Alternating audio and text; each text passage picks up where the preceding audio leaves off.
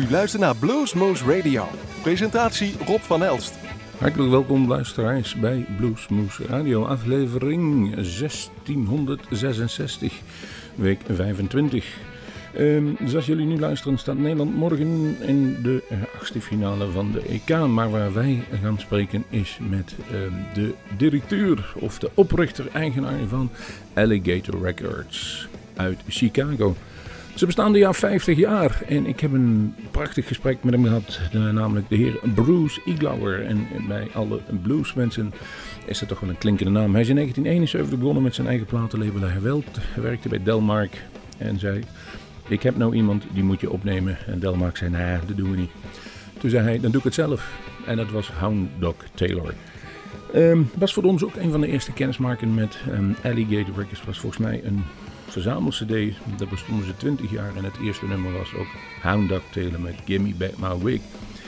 Die gaan we nou ook draaien, daar gaan we mee starten. En ik heb een half uur met hem gekletst. Er is een cd uitgekomen, 50 jaar Alligator Records. En daar is eigenlijk alles wat wij nodig hebben om twee uur bluesmuziek te gaan maken. Met een bijzonder interessant gesprek met diezelfde Bruce Iglauer. Dus het is niet alleen dit uur, maar ook het uur wat we normaal non-stop doen. Be, uh, ja, komt het interview verder in terug en heel veel goede muziek van datzelfde Alligator Records. En dan zie je hoe gevarieerd het eigenlijk wel niet eens in al die jaren. Dus ik ben best wel opgewonden om het zo maar te zeggen. En uh, ik hoop dat u ook gaat genieten van twee uur lang een interview met Bruce Iglauer en ook de beste muziek die Alligator Records ooit voortgebracht heeft. En dan beginnen we maar Coco Taylor met I'm a Woman. Heel veel muziek van Alligator Records. Oh yeah. Oh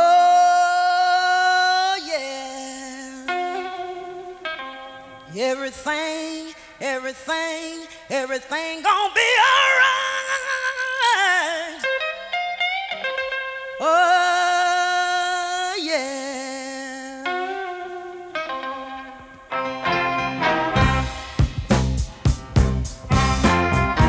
When I was a little girl, only 12 years old, I couldn't do nothing to save my doggone soul.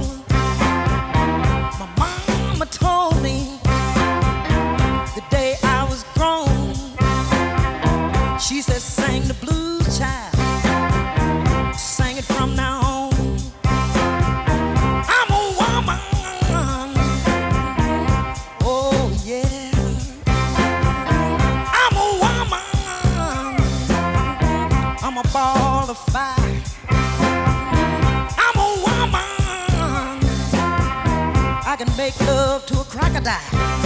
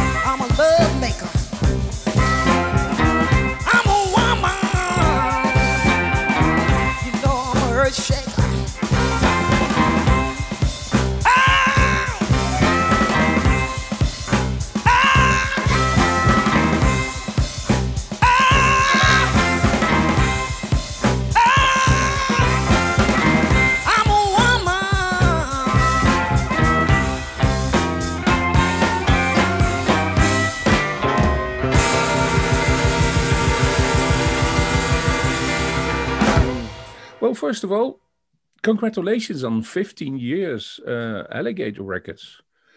Well, thank you. It it has gone by in a lot less than what seems like 50 years. You know, uh, May 24th was the anniversary of the first Hound Dog Taylor recording session, and I can remember it like it happened last week. You know, it was so it's so vivid in my mind. Yeah, I, I, I'm just went to internet and see what happened in the past. That you were a 23 year old guy, and uh, unfortunately, you know, was uh, Bob Koester from Delmark hired you. Uh, Yes, you, uh, you know, you, Bob- you said I have a good guy to record an album, and he said we don't take him. Then I do it Well, myself. Bob Bob had seen Hound Dog Taylor sitting in, you know, at jam sessions Blue Monday parties, and sitting in it was often a disaster for Hound Dog. Um, he, other musicians couldn't follow him; they didn't understand his rhythm, and so very often the songs would fall apart. The first time I saw, him, in fact, was in exactly that situation on a, in a club on the West Side in 1969, uh, and uh, none of the songs was was finished. So I thought he was kind of uh, this lovable guy. Uh, you know, he made everybody laugh, and that they allowed him to sit in and do one or two songs because they liked him so much, not so much because they thought he was a good musician. Then I saw him with his own band, and it was a revelation. It was it was my life opened up, and and I heard how these three musicians made this wonderful, happy music together this what I call a glorious racket. Uh, it was it was they were playing as loud as their amplifiers could because they had no PA system and on cheap guitars and cheap amplifiers. So there was a lot of distortion, which was part of their sound. And Hound Dog singing on top of this with a microphone plugged into a guitar amplifier because again, no PA system. And the energy was so amazing. And they were having an immense amount of fun it was it was really like watching three little kids pretending to be musicians uh, and, and, they played for hours and hours and people danced even i could dance and i can't dance at all but i could dance to hound dog taylor and, and it was just it, it, wasn't sad blues at all it was happy blues yeah. Came on the front porch, grabbed it and I kissed her. Boy, was surprised when I saw him and the lights out. Lights out. I'm glad lights out. Sister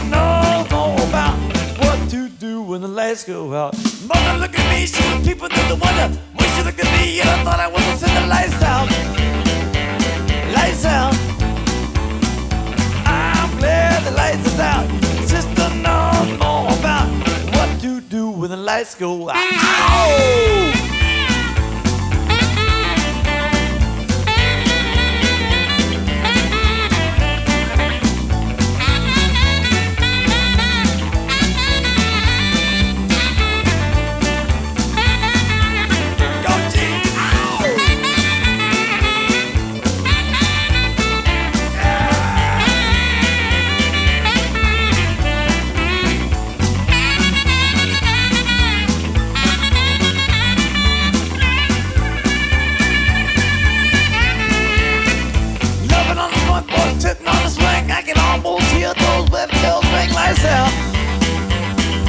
myself. I'm glad the lights is out. Sister knows more about what to do when the lights go out. Now we're man and we got a little house. Had to marry a little sister cause the lights went out. Lights out. Lights out. I'm glad the lights is out. Sister knows more about what to do when the lights go out.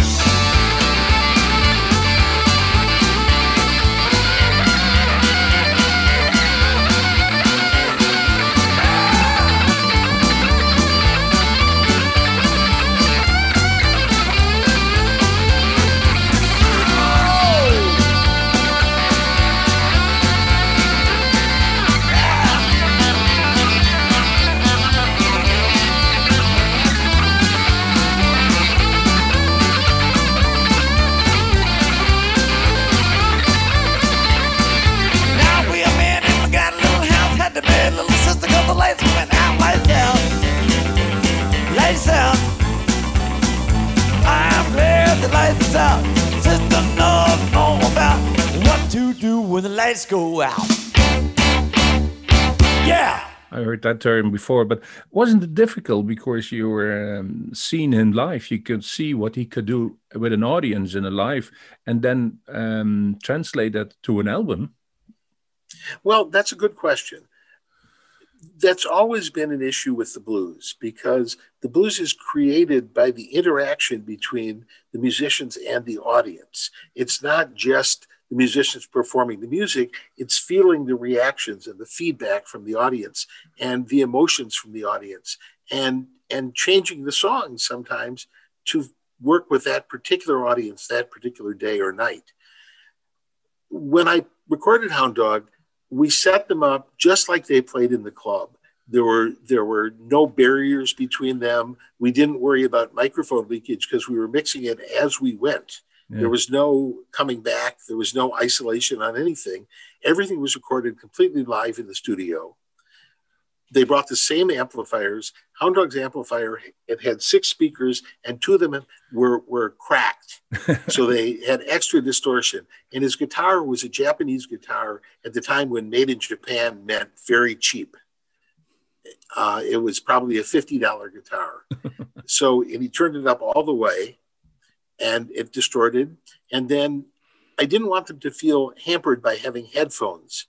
So instead of headphones, I set up speakers coming back at them like stage monitors so that they could move around without feeling tied by the, the, the cord, the electrical cord to the headphones.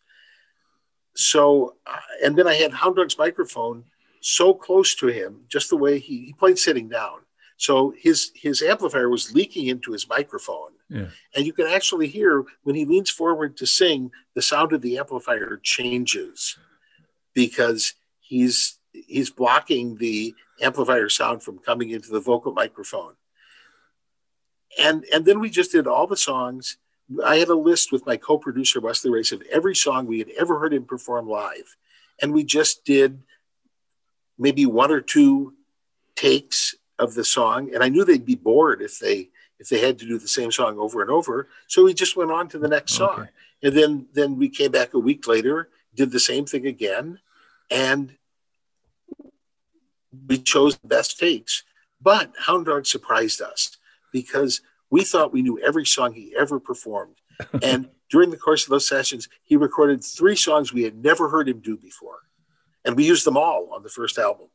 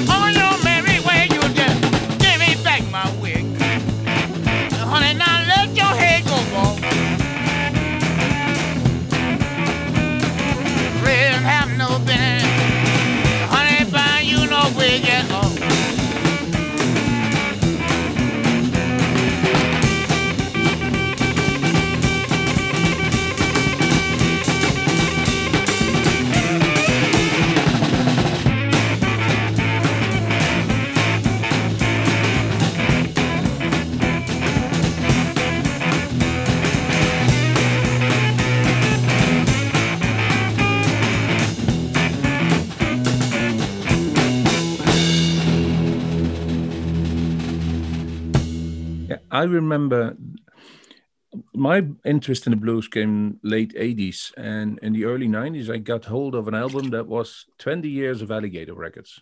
Mhm. and the first song on that album was hound dog taylor but give me back my wig which is surprisingly the first song on the 50 years album now. Well, it was his the the song that the audience liked best of all his songs. So it became sort of his most requested, his theme song. So I, I had to start with that, even though it had also been on the 20 year collection, uh, because it was his most recognizable song and it captured his spirit so well. the, the, the, the, the guitar sound that short sound in it what what what's making him stand out to somebody else Sure. And also, of course, Brewer Phillips, the other guitar player, was playing the bass lines on a guitar, not on a bass. So he could play very fast. And every verse, his, his lines changed. He didn't stay with one bass pattern like most bass players do. So it was all very spontaneous. I read in the bio on the um, Alligator Records website that you were in the in the beginning it was one record a year, and That's all I could afford. Yeah, Uh, that, that, I, was st- I CDC. was that 25 livable? yeah. Could you earn um, a, li- an income from that? barely. Um, I was I was operating from a, a one room apartment in a very bad part of the city, sleeping on a mattress on the floor, and uh, my closet was my warehouse. Uh, and I was very happy on the days when the elevator in the building worked because it was all LPs and they were very heavy. So otherwise, I had to carry them up and down four flights of stairs. And Chicago So- was known for uh, harsh winters and hot summers. Yes. Uh, well, I released that first record in August, and uh, it was.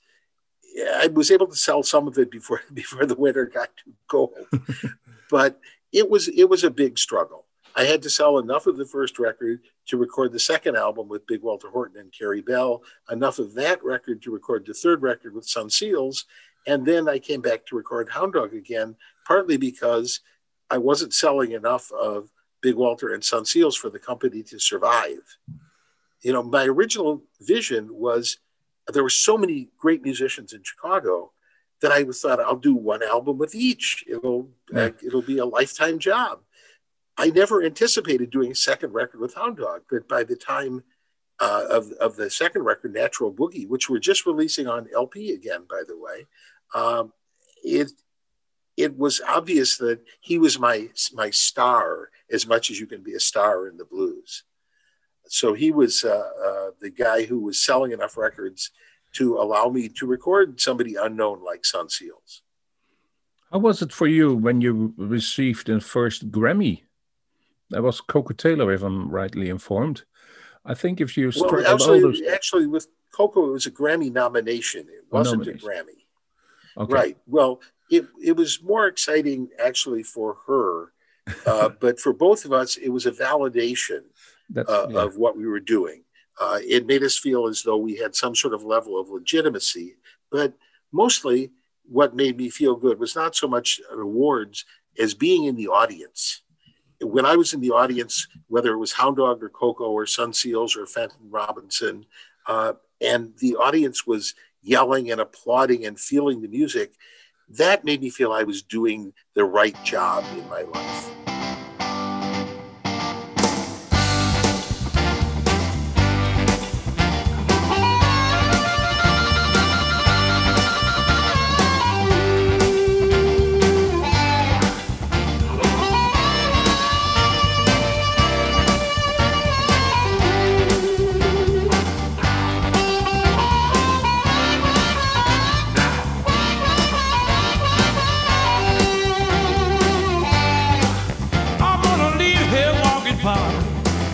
Cause I'm pawn shop bound.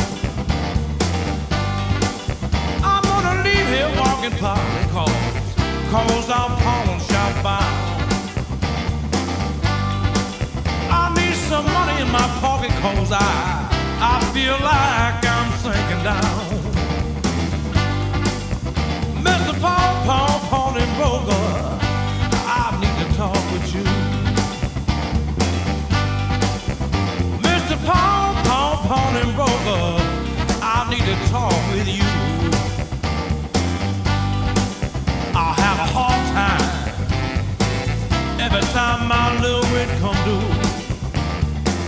I'm gonna pawn my watch. Turn around and pawn my ring. I'm gonna pawn my stereo, my TV and. To put the food on my table, baby, I'm gonna pawn everything.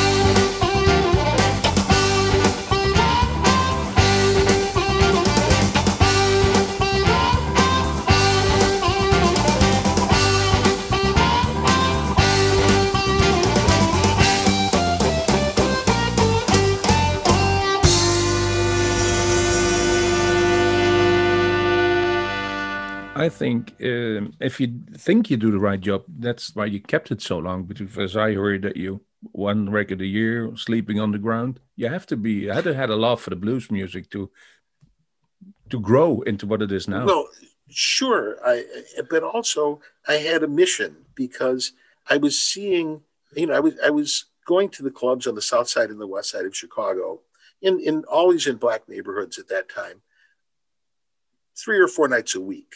So I was seeing all this wonderful music, and my my boss Bob Koester was recording some of it, and almost nobody else was.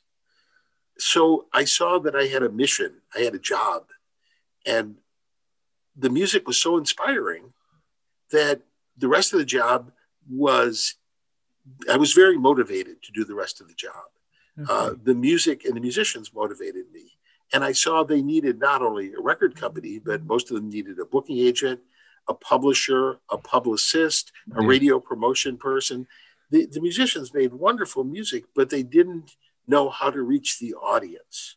So I've always seen my job at Alligator as being the bridge between the musicians on one side and the potential audience on the other side and bringing them together. The records are part of it, but we're committed to artists' careers, not just to the recordings, but to building their visibility. And, and they're never going to make a, lot of money from record royalties. You know, the blues market isn't that big. Even, even as we expanded it, it, it's not enough so you could live on your royalties for the most part. There are a few musicians, I'm glad to say, who can live on royalties. So building the careers was necessary because they were making most of their money from live performances. You were also producing the uh, some of those albums. How were um, the the musicians reacting on your suggestions how to record an album? I Well, can imagine that it- some people have a vivid imagination how their music should sound, and then somebody's coming and said, maybe do it another way. Well, I became a producer because I it was my label and there needed to be somebody in charge of the recording. It varied a lot between artists. Okay. Um, with Hound Dog Taylor, for example, I wasn't really a producer so much as I was a recorder. Uh, you know, I was trying to capture what they were doing in the clubs. But even by my third record with Son Seals, you know, I, I was listening to him and I was saying, this is what makes you original. This is what makes you special. And I was listening to his songs and saying, this is a, this is an interesting song. This song is more conventional. And we want we want to go with the interesting songs. And in fact, with with his record, which is only the third record I did, I suggested a type of an instrumental song to do, which he translated into a, my he translated my suggestions into a song that he called Hot Sauce, which became a signature song for him, where he played some things, by the way, that I never knew he could play. It was a, a big revelation to me. Uh, and then I realized at the end of the session that we maybe needed one more medium or slow tempo song for variety. And so I suggested that he do a cover song of a Magic Sam song, All Your Love, which all which had been on the radio, so the whole band knew it. And they did it in one or two takes, uh, just uh, you know, eh, with with no rehearsal at all. Uh, Son decided on the key and counted off the song, and they began. Other times, I've spent a lot of time in rehearsal. And I'm always encouraging artists to write, to make their own original statements, or if they're not really good writers, to take somebody else's song and reimagine it and make it their own. Not try to make a Muddy Water song that sounds like a Muddy Water song, but take his words and his inspiration and make something new. Some of the artists, I, I've produced about a hundred or co-produced about 120 albums over the years, which isn't bad for a guy who can't play music. you know, I I, uh, I, you know, I really can't play anything, but I've learned a lot from talking with musicians.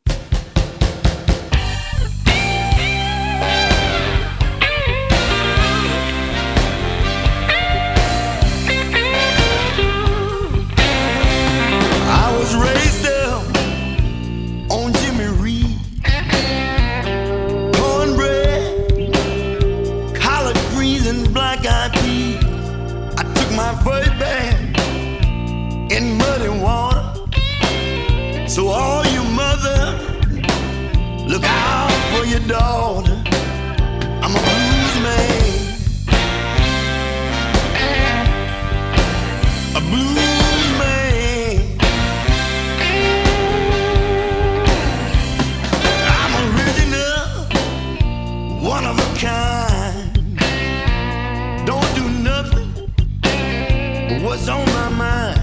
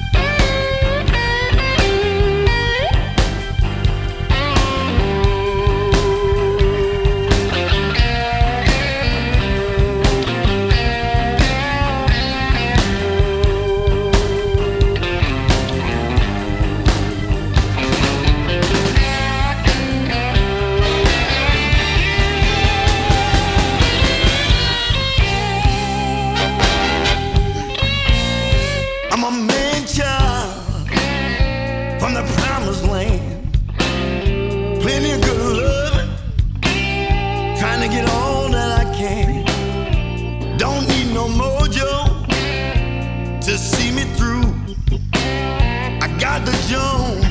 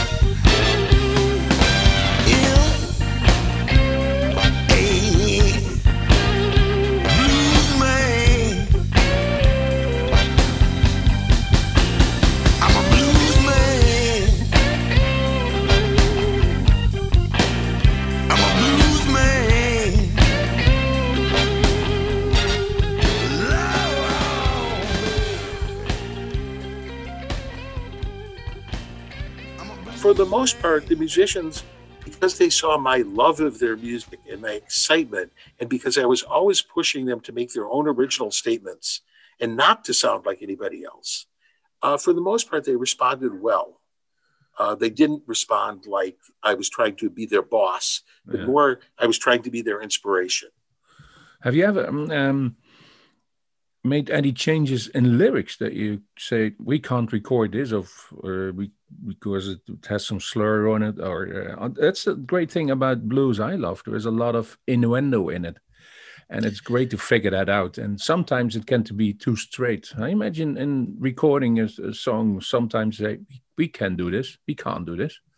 Well not so much would i say we can't do this but very often i well, very often, sometimes I would say, we need a, a more original rhyme. We need, need, a more original idea. We need a more original story. Now, a good example of, of this mm-hmm. is I've been working with Toronzo Cannon, who's one of my current artists. Uh, he has two albums on Alligator, two before that on my old label, Delmark, you know, where I worked, uh, and a self released record. And as I got to know Toronzo personally, he began bringing his song ideas to me. And I would sit and say, this is interesting, but this one sounds too much like something I've heard before. Or I could see this rhyme, I could understand this rhyme was coming. Yeah. It was not a surprise. Surprise me. And Toronzo began, because I encouraged him so much to surprise me, he began writing more interesting songs and, and some topical songs. Uh, the the song that we have on the 50th anniversary collection is called The Chicago Way. Now, it's not much so much a topical song as a song about being so proud of being part of Chicago and being part of the Chicago blues tradition. And he wanted to do uh, a boogie song kind of inspired by Magic Sam. Toronzo, he's a, he's a wonderful guy, and he loves the fact that he feels as though he is in the line, you know, that over his shoulder he sees you know muddy waters and he sees howlin' wolf and he's trying to carry that tradition forward. He's also writing interesting songs about what's going on in the world today. Songs about life in, in the black ghetto songs about health insurance which is a huge problem in the united states uh, songs about politicians songs about uh, preachers who uh, who just want your money and not not to save your soul uh, songs about uh, undocumented immigrants, which we have many millions of, primarily from, from South and Central America, uh, and songs about domestic abuse, about women whose husbands or, or boyfriends hit them. And, and I encourage these songs because it's not just the old songs of my woman loved me and left me, or I left her, or she came back, or I came back. Uh, all of which are good, can be good song t- subjects but I like when artists are writing about what's going on in the world now.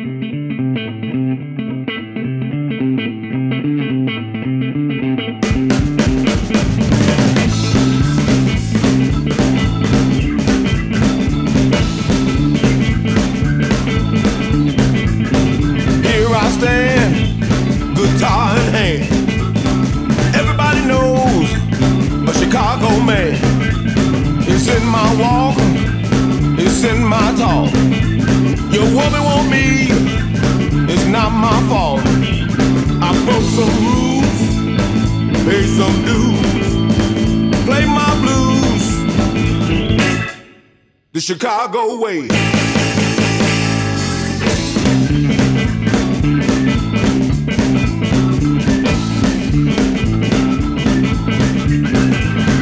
Over here, we don't mess around.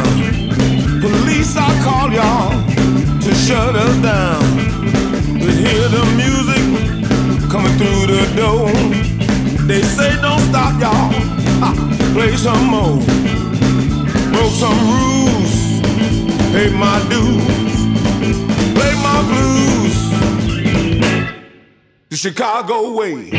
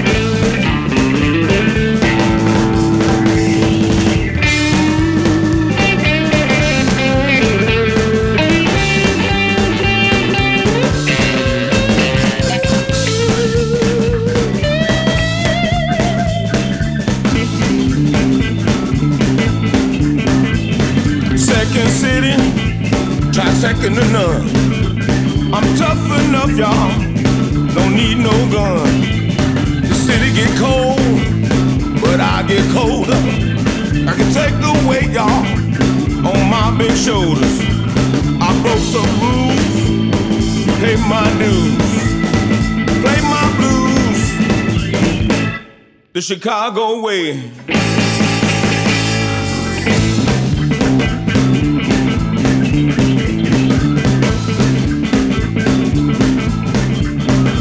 Gonna tell you once, don't apologize twice. Don't play with me, I ain't nothing nice. Streets I mean, don't take no mess. I'm here to stay, don't take no stress. I broke some rules, paid my dues, play my blues. The Chicago way.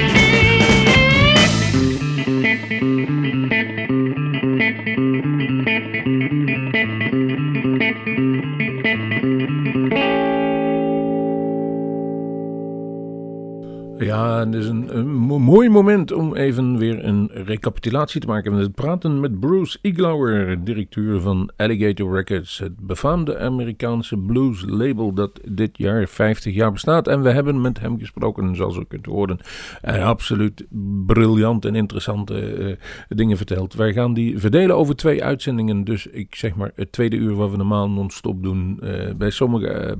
radio's, dan wordt die direct erachteraan uitgezonden. En in Goezik komen de dag later online. Kunt u het net horen wanneer u het wilt via www.bluesmoose.nl. Maar dan komen we even op. eh, eh, ik ga het in tweede delen, dus ik eh, laat nu het laatste kwartier wat we nog hebben, dat gaan wij in het tweede uur opbreken. En dan vertelt u nog veel meer mooie dingen. Ook over de dingen die bijvoorbeeld als artiesten gaan bij een label, maar ook de fouten die eh, hij gemaakt heeft. Oftewel, zijn artiest is geweest die hij heel graag voor zijn label had willen hebben. Maar toen niet gelukt is. Ik ga wel met u even terug om wat u gehoord heeft, wat uh, tot nu toe aan muziek. We begonnen met Coco Taylor, jawel, de jonge dame. Uh, die was dus een paar keer Grammy genomineerd, heeft er niet gewonnen, maar dat was I'm a Woman. Vervolgens Johnny Winter met zijn CD Third Degree, eentje van mijn all-time favorites. En dit was Lights Out van dat album Hound Dog Taylor, Gimme Back My Wick. We spraken daar nog uitgebreid over. William Clark, Pawn Shop Uh, vervolgens I'm a Bluesman van Kenny Neal. En Toronto Cannon, de Chicago Way, daar sprak hij uh, ook in zijn verhaal uitgebreid even over. Dat hij dus, ja, maar wat, wat, wat eigenlijk op stang jaagde om wat creatiever en interessantere blues te schrijven. Uh, interessant om te horen hoe dat in ieder geval is. Ik heb nog een nummer klaarstaan voor jullie. En we maken de uitzending vol met prachtige muziek van datzelfde Alligator Records label. Nu Albert Collins met Blue Monday Hangover.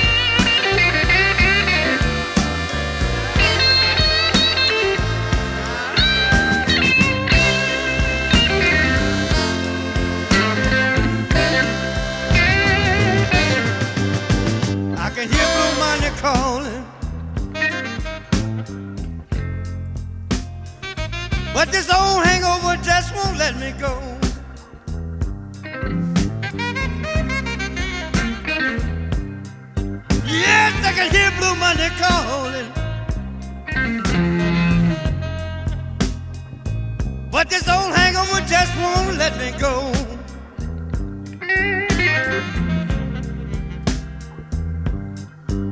Yeah, but every time I try to get up, baby, I feel like I'm just going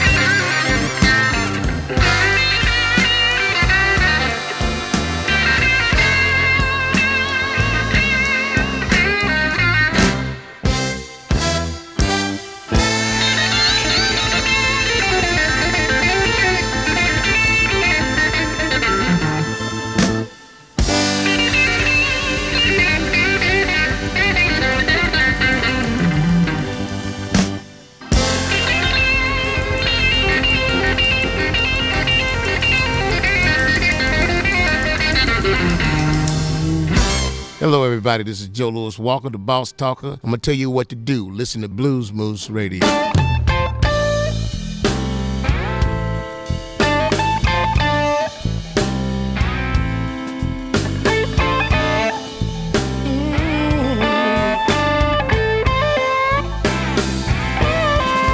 Well, you say that I'm a drifter with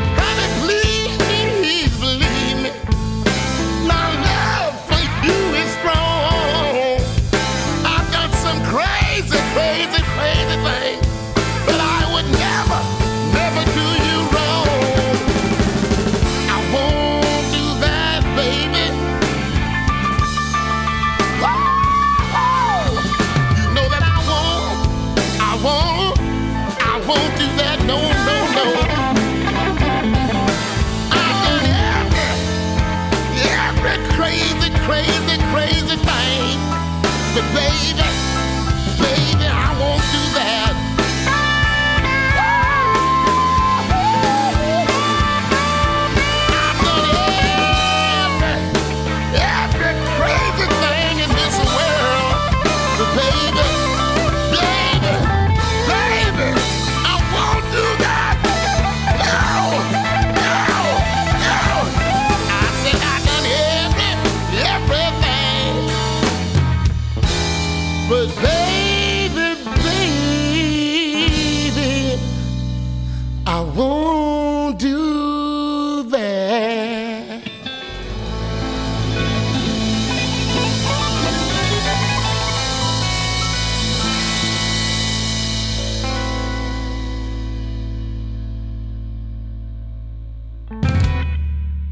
Ja, en het, wordt een prachtige uitzending. Eh, jullie hoorden zo even Joe Louis Walker met I Won't Do That. En dan gaan wij afsluiten deze eerste uur met het interview wat wij hebben met eh, Bruce Iglauer, directeur van Alligator Records. Naar aanleiding van het 50-jaar jubileum. En al die tijd is hij erbij en die heeft prachtige verhalen. En in tweede uur komen we er nog een kwartiertje op terug. Daar heeft hij nog een prachtige en interessante dingen doen. Maar bovenal, we hebben hele goede muziek van datzelfde Alligator Records. En we gaan eindigen deze met eentje die wij ook op ons eigen Bluesmoose Festival hebben gehad. Dat was 2013. Smoking Joe Quebec, Don't Lose My Number. En wij horen nu in het volgende uur graag terug. Hey everybody, this is Smoking Joe Quebec and you're listening to Blue Moose Radio.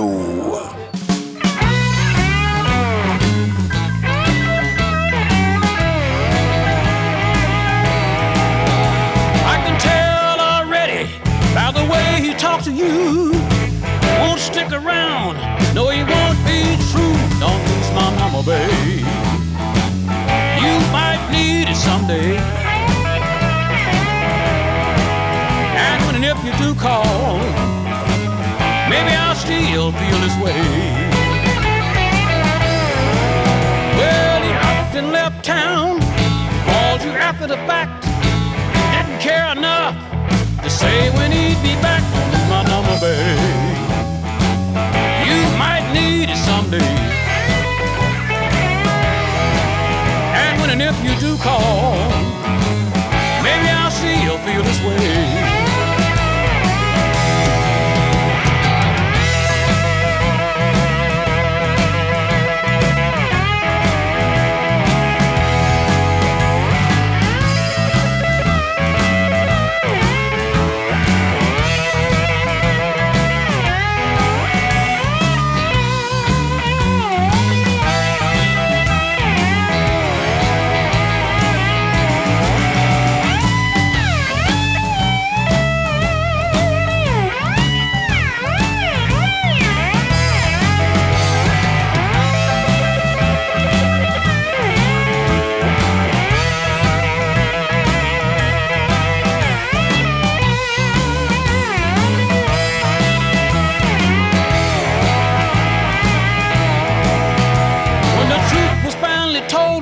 To be with someone else. Left you here in town, all by yourself. I'll lose my number, babe. You might need it someday. And when and if you do call, maybe I'll still feel this way.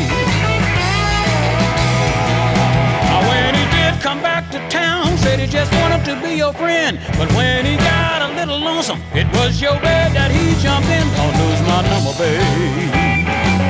You might need it someday. And when and if you do call, maybe I'll still feel this way.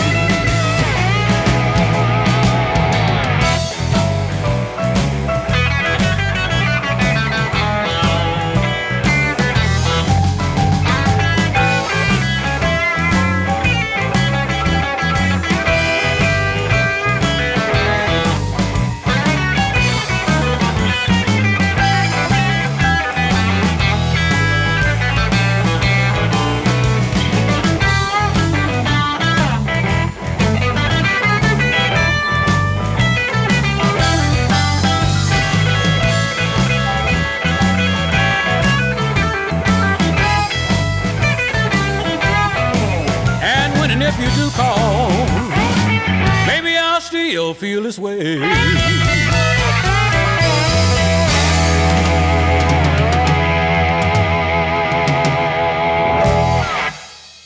Wilt u meer weten van Bluesmoose Radio?